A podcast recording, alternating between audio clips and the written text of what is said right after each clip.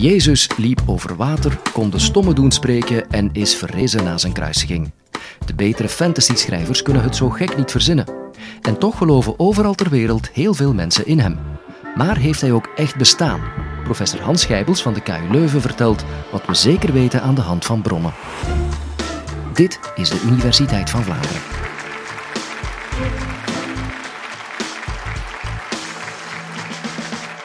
Als er iemand is die tot nog toe de geschiedenis het meest ingrijpend heeft beïnvloed, is het geen veldheer, geen keizer, maar een onbeduidend iemand uit een onbeduidend plekje in een niet eens zo interessante periode uit de geschiedenis. Jezus van Nazareth, Jezus Christus. En eigenlijk heeft men nooit aan zijn bestaan getwijfeld tot in de 20e eeuw. En als je het nu op straat zou vragen, zou je misschien, ja, kan het vragen hier, heeft Jezus echt bestaan of niet? Wie denkt van niet? Oh, gelukkig maar een 5 procent. Heeft hij echt bestaan of niet? Er is maar één oplossing en dat is historisch onderzoek. En historisch onderzoek doen we aan de hand van bronnen. En die bronnen zijn zeer divers. Er zijn grosso modo twee soorten bronnen. Er zijn, er, er zijn propagandageschriften en er zijn ja, vijandelijke geschriften, laat ik het zo noemen. Laat ik beginnen met de propagandageschriften. Dat is natuurlijk gevaarlijk, hè, propagandageschriften. Desalniettemin, we zullen straks zien dat er misschien toch iets mee te doen is. Laat ik beginnen met de Bijbelse bronnen zelf. Het leven van Jezus staat in de Bijbel, in het laatste deel daarvan, noemen we het Nieuwe Testament. En de oudste geschriften over Jezus zijn niet de vier evangelies, zoals veel mensen denken. Dat zijn die vier kleine echte biografieën over Jezus. Maar het zijn de brieven van Paulus. Paulus noemt zich een leerling van Jezus. En ongeveer twintig jaar nadat Jezus gestorven is, schrijft hij zijn eerste brief. En dat zijn de oudste gegevens. Maar een leerling van Jezus om propagandageschrift. Dan hebben we de vier evangelies. Uitgebreide, het een al wat uitgebreider dan het andere, biografieën over Jezus. Geschreven door vier mensen die wij evangelisten noemen. Matthäus, Marcus, Lucas, Johannes. Wij kennen die mensen niet. Die namen zijn daar later opgekleefd. We weten niet precies wie dat zijn. We weten wel voor welk soort groep van mensen ze schrijven, omdat die mensen zaten met vragen en daarop proberen ze antwoord te geven in hun evangelie.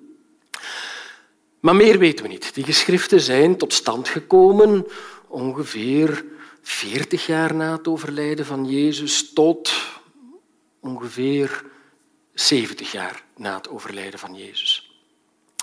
Maar propagandageschriften. Dan hebben we nog iets heel speciaals. Dan Brown, het keert geregeld terug, apocryfen. Dat zogenaamde evangelie van Judas, dat zogenaamde evangelie van Thomas. Dat zijn de apocryfen. Moeilijk woord. Het woord betekent eigenlijk dingen die geheim gehouden worden. En inderdaad, het zijn geschriften die vaak komen uit gemeenschappen die dat voor zich wilden houden, die dat geheim wilden houden. Staan niet in de Bijbel, worden nu soms als meer echt beschouwd dan wat anders. Het evangelie van Maria Magdalene en noem maar op. Zijn voor ons van geen waarde staan ook niet in de Bijbel om verschillende redenen. Eén, ze zijn veel later geschreven dan die vier evangelies en die brieven. Twee, ze, ze zijn dus niet van eerste of tweede generatie getuigen van het leven van Jezus. En drie, er staan ongelooflijk gekke dingen in. Zo wordt er bijvoorbeeld heel fel gejubeld over dat evangelie van Thomas, dat bijvoorbeeld meer waardevol zou zijn dan de vier evangelies die nu in de Bijbel staan. Maar er is geen vrouw onvriendelijker geschrift of evangelie dan dat evangelie van Thomas. Jezus was zo niet, dat weten we dan weer uit andere bronnen.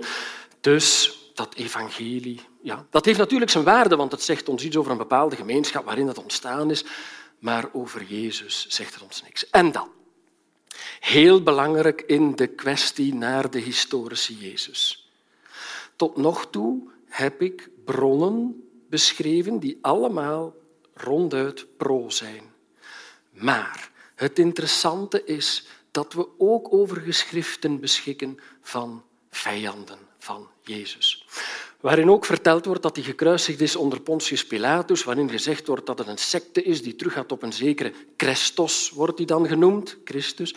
Romeinse bronnen, uh, Tacitus bijvoorbeeld, uh, er zijn er nog andere. We hebben een zeer belangrijk getuigenis van een Jood die collaboreerde met de Romeinen en dus ook de Joden niet zo gunstig gezind was. En u moet weten, Jezus was een Jood. Dus ja, we beschikken ook over buitenbijbelse bronnen, zelfs geschriften van vijanden die ons inlichten over het bestaan van Jezus. En de 5% hier ten spijt, er is geen enkele wetenschapper die nog twijfelt aan het bestaan van Jezus. Maar wie was dat dan? Dat is een andere kwestie. Er zijn een drie grote golven te situeren in het onderzoek naar de historische Jezus. Met Engelse termen de first quest, de second quest, de third quest. Wij leven nu in de periode van de third quest. De First Quest begint uh, eind 18e eeuw, 19e eeuw. Dus met mensen die op zoek gaan naar Jezus. Wie was dat? Hè? En er ontstaan daar tal van boeken. Een van de beroemdste is uh, Renan, Ernest Renan, La vie de Jésus, talloze malen herdrukt. En zo zijn er nog heel vele andere boeken, tot in 1906 plots abrupt een einde komt aan de waarde van al die boeken en dus ook aan die zoektocht naar de historische Jezus.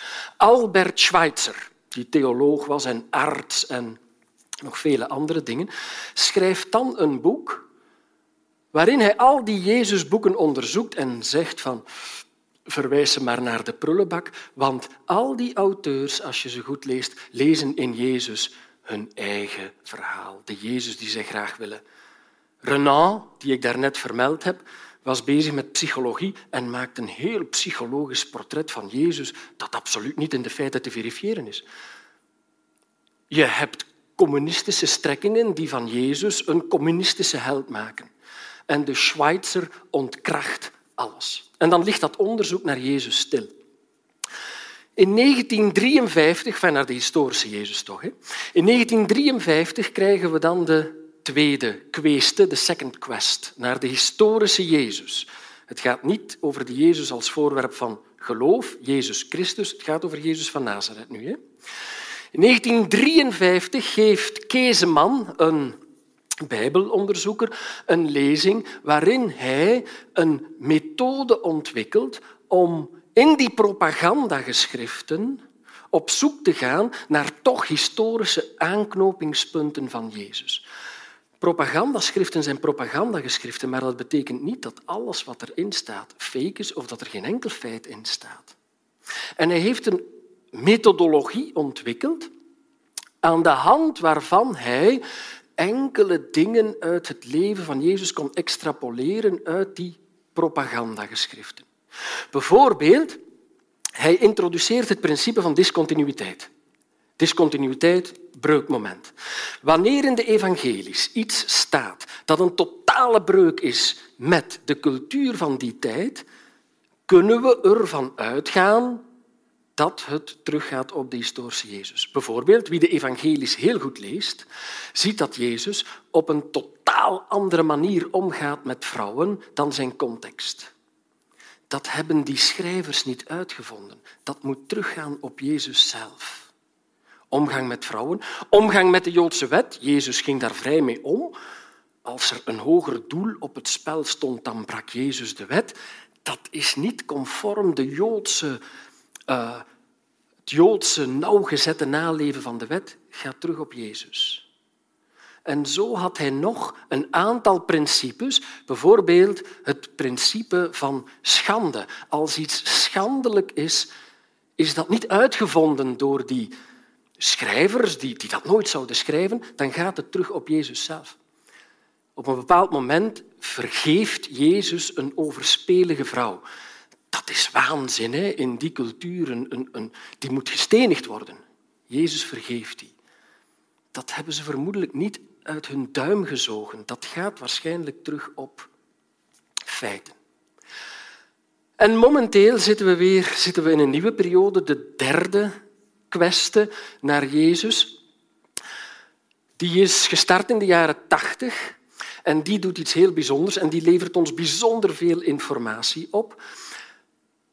Jezus was een Jood. Dat wisten we al veel langer. Maar Jezus was nog nooit bestudeerd als een Jood. Dus in de jaren tachtig begint men enorm veel studiewerk te leveren naar die Joodse context, die Joodse cultuur. En dat levert ons enorm veel informatie op. Archeologie wordt erbij gesleurd als hulpwetenschap en noem maar op. En dat heeft ons ja, enorm veel feiten opgeleverd in verband met Jezus. Tot zelfs zijn sterfdatum toe. Maar die bewaar ik nog even voor straks. Ik rond af. Ja, Jezus heeft echt geleefd. Ja, en nu ga ik iets verrassends zeggen. Wij weten met historische zekerheid over Jezus veel meer dan over sommige Romeinse keizers. En wat is dat dan? Wat weten we met zekerheid?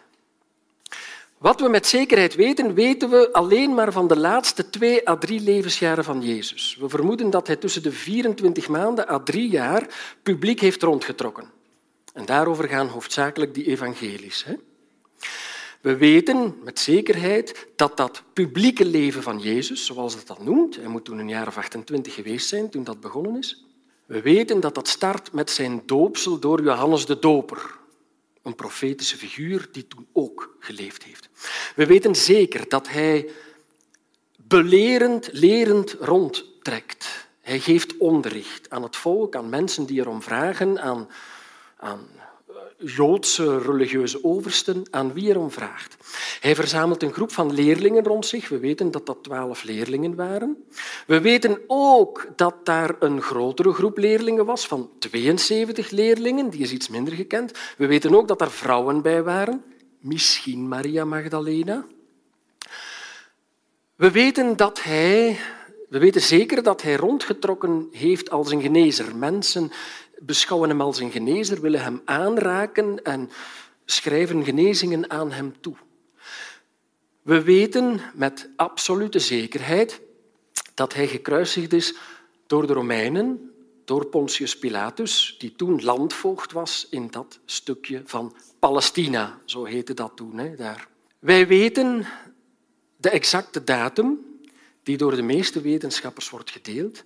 We weten dat dat gebeurd is op 6 april van het jaar 30. Voilà, tot daar het historische verhaal. Daarna gebeurt er iets heel bijzonders. Wanneer hij gekruisigd is, zijn er een heleboel mensen die hem als levend ervaren, maar dat is geen verhaal van de geschiedenis, maar buiten de geschiedenis. En dat valt dus buiten dit bestek. Dank je wel.